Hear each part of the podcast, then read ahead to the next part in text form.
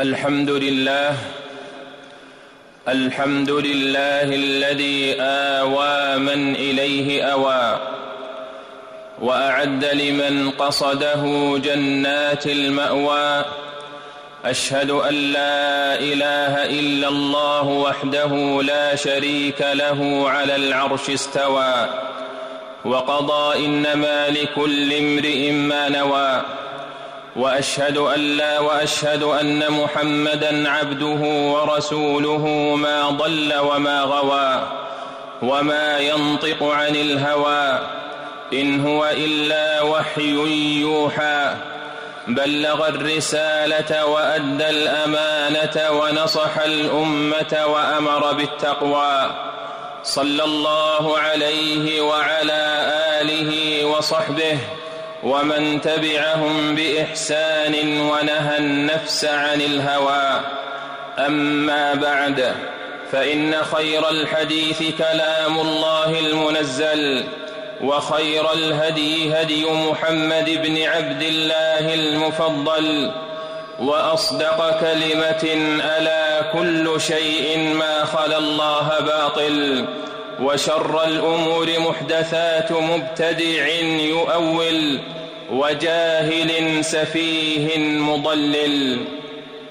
عباد الله أوصيكم ونفسي بتقوى الله فهي وصية الله للأولين والآخرين.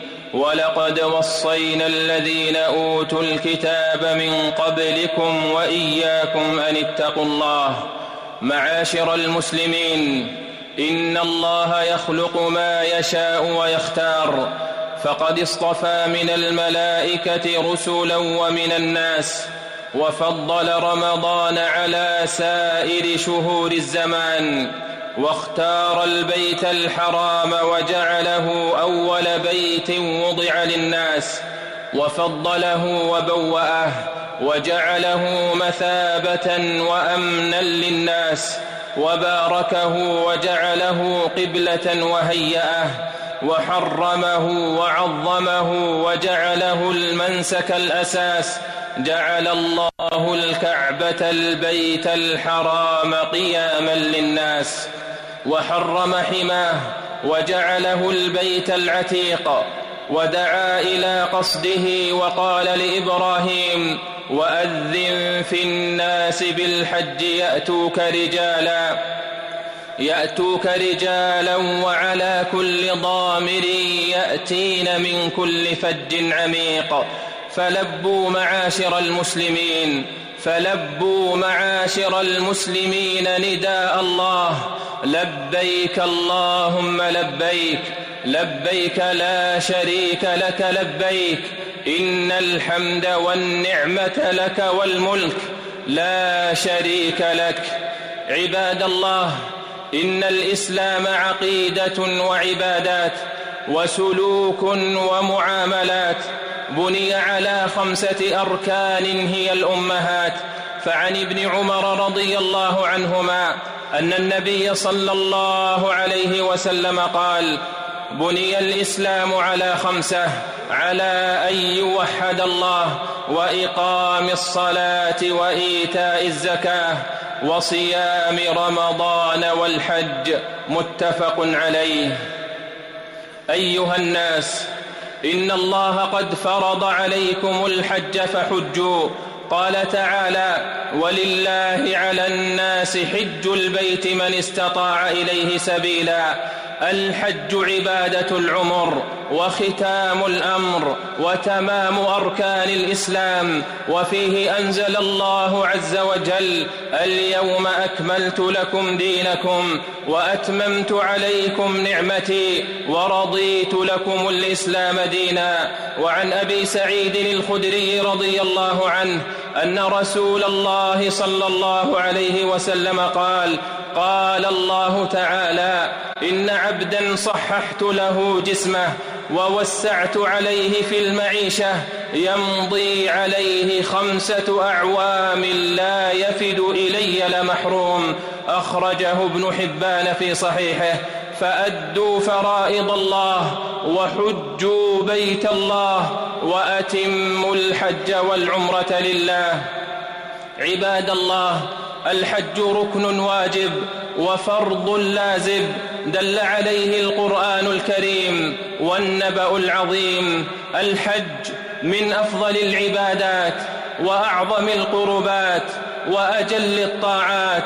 يرفع الدرجات ويمحو الخطايا ويكفر السيئات حتى الكبائر منها.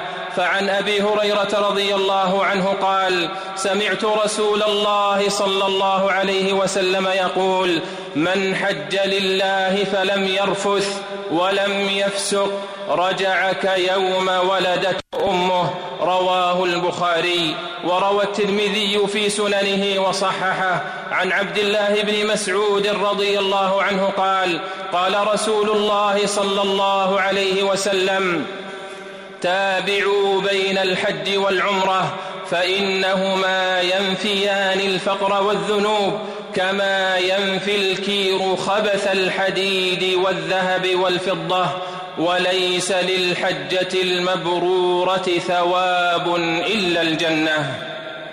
وعن أبي هريرة رضي الله عنه قال سئل رسول الله صلى الله عليه وسلم أي الأعمال أفضل؟ قال إيمان بالله. قيل ثم ماذا؟ قال الجهاد في سبيل الله. قيل ثم ماذا؟ قال حج مبرور. رواه مسلم. معاشر المسلمين إن الله طيب لا يقبل إلا الطيب. فمن أراد الحج فليتعفف عن الحرام ولينفق من ماله الحلال. عن أبي هريرة رضي الله عنه قال قال رسول الله صلى الله عليه وسلم أيها الناس إن الله طيب لا يقبل إلا طيبا وإن الله أمر المؤمنين بما أمر به المرسلين فقال يا أيها الرسل كلوا من الطيبات واعملوا صالحا إني بما تعملون عليم. وقال يا أيها الذين آمنوا كلوا من طيبات ما رزقناكم. ثم ذكر الرجل يطيل السفر أشعث أغبر يمد يديه إلى السماء. يا رب يا رب ومطعمه حرام ومشربه حرام وملبسه حرام وغذي بالحرام فانى يستجاب لذلك. رواه مسلم. جعلني الله وإياكم ممن يستمعون القول فيتبعون أحسنه. أولئك الذين هداهم الله وأولئك هم أولو الألباب. الحمد لله الذي أعطى وأنعم وهدى إلى الرشد وألهم وبين السداد وأفهم وجعل الحج أفضل الأعمال وأعظم.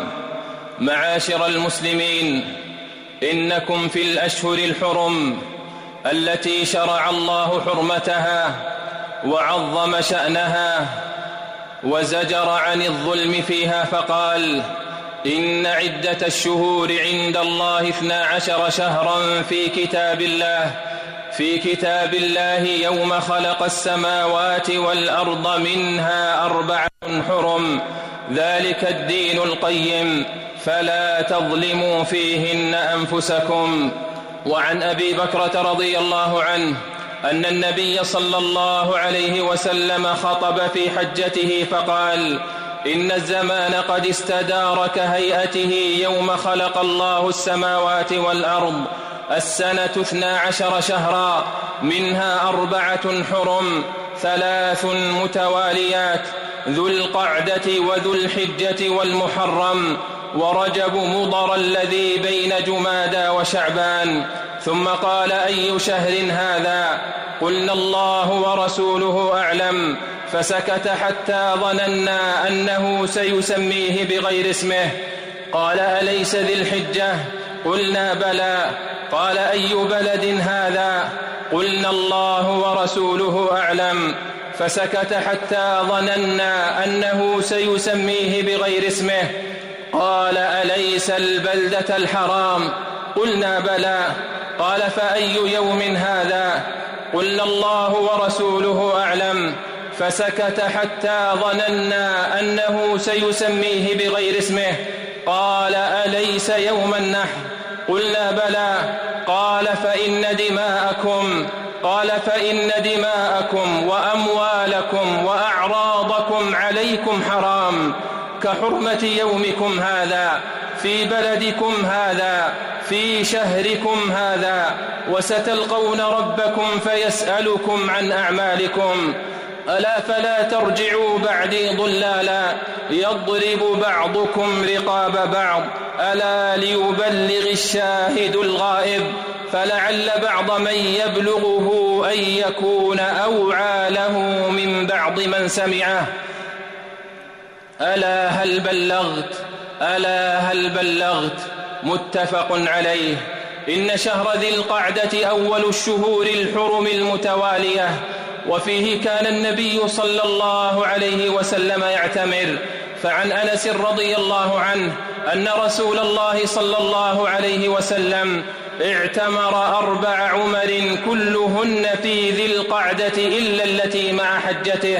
عمرة الحديبية في ذي القعدة حيث صده المشركون وعمرة من العام المقبل في ذي القعدة حيث صالحهم وعمرة الجعرانة إذ قسم غنائم حنين وعمرة مع حجته متفق عليه. عباد الله موسم الحج موسم بر وطاعة وسخاء وفرصة بذل وجود وعطاء. فقد كانت سقاية الحاج وسدانة البيت من مآثر ومفاخر الجاهلية يتنافسون فيها وجاء الإسلام فأقراه أذن النبي صلى الله عليه وسلم للعباس أن يبيت بمكة ليالي منا من أجلها وجاء إلى السقاية فاستسقى فشرب ثم أتى زمزم وهم يسقون ويعملون فيها فقال اعملوا فإنكم على عمل صالح. وقال لولا أن تغلبوا لنزلت حتى أضع الحبل على هذه وأشار إلى عاتقه رواه البخاري. ولقد من الله تعالى على المملكة العربية السعودية بخدمة الحرمين الشريفين وقاصديهما من الحجاج والعمار والزوار وتقديم الخدمات اللازمة. ومساعدتهم على أداء مناسكهم ووضع لوازم السلامة والأمن لهم. فجزى الله خيرا أئمتنا وولاة أمرنا خير الجزاء وأوفاه وأتمه وأكمله وأحسنه وأزكاه. عباد الله وأنتم في أحب البقاع إلى الله كونوا يدا وعونا للقائمين على الرعاية والخدمة والتنظيم والترتيب. تقبل الله منا ومنكم ووفقنا الله وإياكم. حجاج بيت الله الحرام حجاج بيت الله الحرام. لقد بذلتم ووفقتم لتلبية فريضة الحج. فاحرصوا على أدائها وإتمامها وقبولها وتعلموا من أحكامها وإياكم والرفث والفسوق والجدال الحج أشهر معلومات فمن فرض فيهن الحج فلا رفث ولا فسوق ولا جدال في الحج وعليكم بالسكينة والوقار تراحموا إذا تزاحمتم تراحموا إذا تزاحمتم وإياكم والتدافع. وارأفوا بضعفائكم فإنما ترزقون وتنصرون بهم. عن جابر رضي الله عنه أن رسول الله صلى الله عليه وسلم أردف أسامة خلفه ودفع من عرفه وقد شنق للقصواء الزمام حتى إن رأسها ليصيب مورك رحله. ويقول بيده اليمنى أيها الناس السكينة السكينة. رواه مسلم. اللهم تقبل من الحجاج حجهم. اللهم تقبل من الحجاج حجهم. واكتب عظيم الأجر والثواب لكل من أسهم في خدمتهم وسعى لراحتهم. اللهم هؤلاء عبيدك وضيوفك. وحجاج بيتك أتوا من كل فج عميق قد انقطعوا عن بلدانهم وتركوا أموالهم وأولادهم اللهم فارحم غربتهم عندك وانقطاعهم إليك ووقوفهم بين يديك اللهم تقبل مساعيهم وزكها وارفع درجاتهم وأعلها. اللهم اجعل حجهم مبرورا وسعيهم مشكورا وذنبهم مغفورا. اللهم أمنهم من جميع الأخطار. اللهم أمنهم من جميع الأخطار. وأعدهم إلى أوطانهم وأهليهم سالمين. برحمتك يا أرحم الراحمين. اللهم وفق ولي أمرنا خادم الحرمين الشريفين بتوفيقك وأيده بتأييدك. اللهم وفقه وولي عهده لما تحب وترضى. واجزهم خير الجزاء على ما يقومون به من خدمة الحرمين الشريفين وقاصديهما. اللهم احفظ هذه البلاد بحفظك. واكلأها برعايتك. اللهم احفظها من كل مكروه واجعلها آمنة مطمئنة. وافضح من أرادها بسوء واجعل كيده في نحره. اللهم احفظها وسائر بلاد المسلمين. يا رب العالمين. عباد الله صلوا وسلموا على من أمركم الله بالصلاة والسلام عليه فقال إن الله وملائكته يصلون على النبي. يا أيها الذين آمنوا صلوا عليه وسلموا تسليما. اللهم صل على محمد وعلى آل محمد كما صليت على إبراهيم وعلى آل إبراهيم إنك حميد مجيد. وبارك على محمد وعلى آل محمد كما باركت على إبراهيم وعلى آل إبراهيم إنك حميد مجيد. وارض اللهم عن الخلفاء الراشدين أبي بكر وعمر وعثمان وعلي وعن سائر الصحابة أجمعين وعنا معهم برحمتك يا أرحم الراحمين.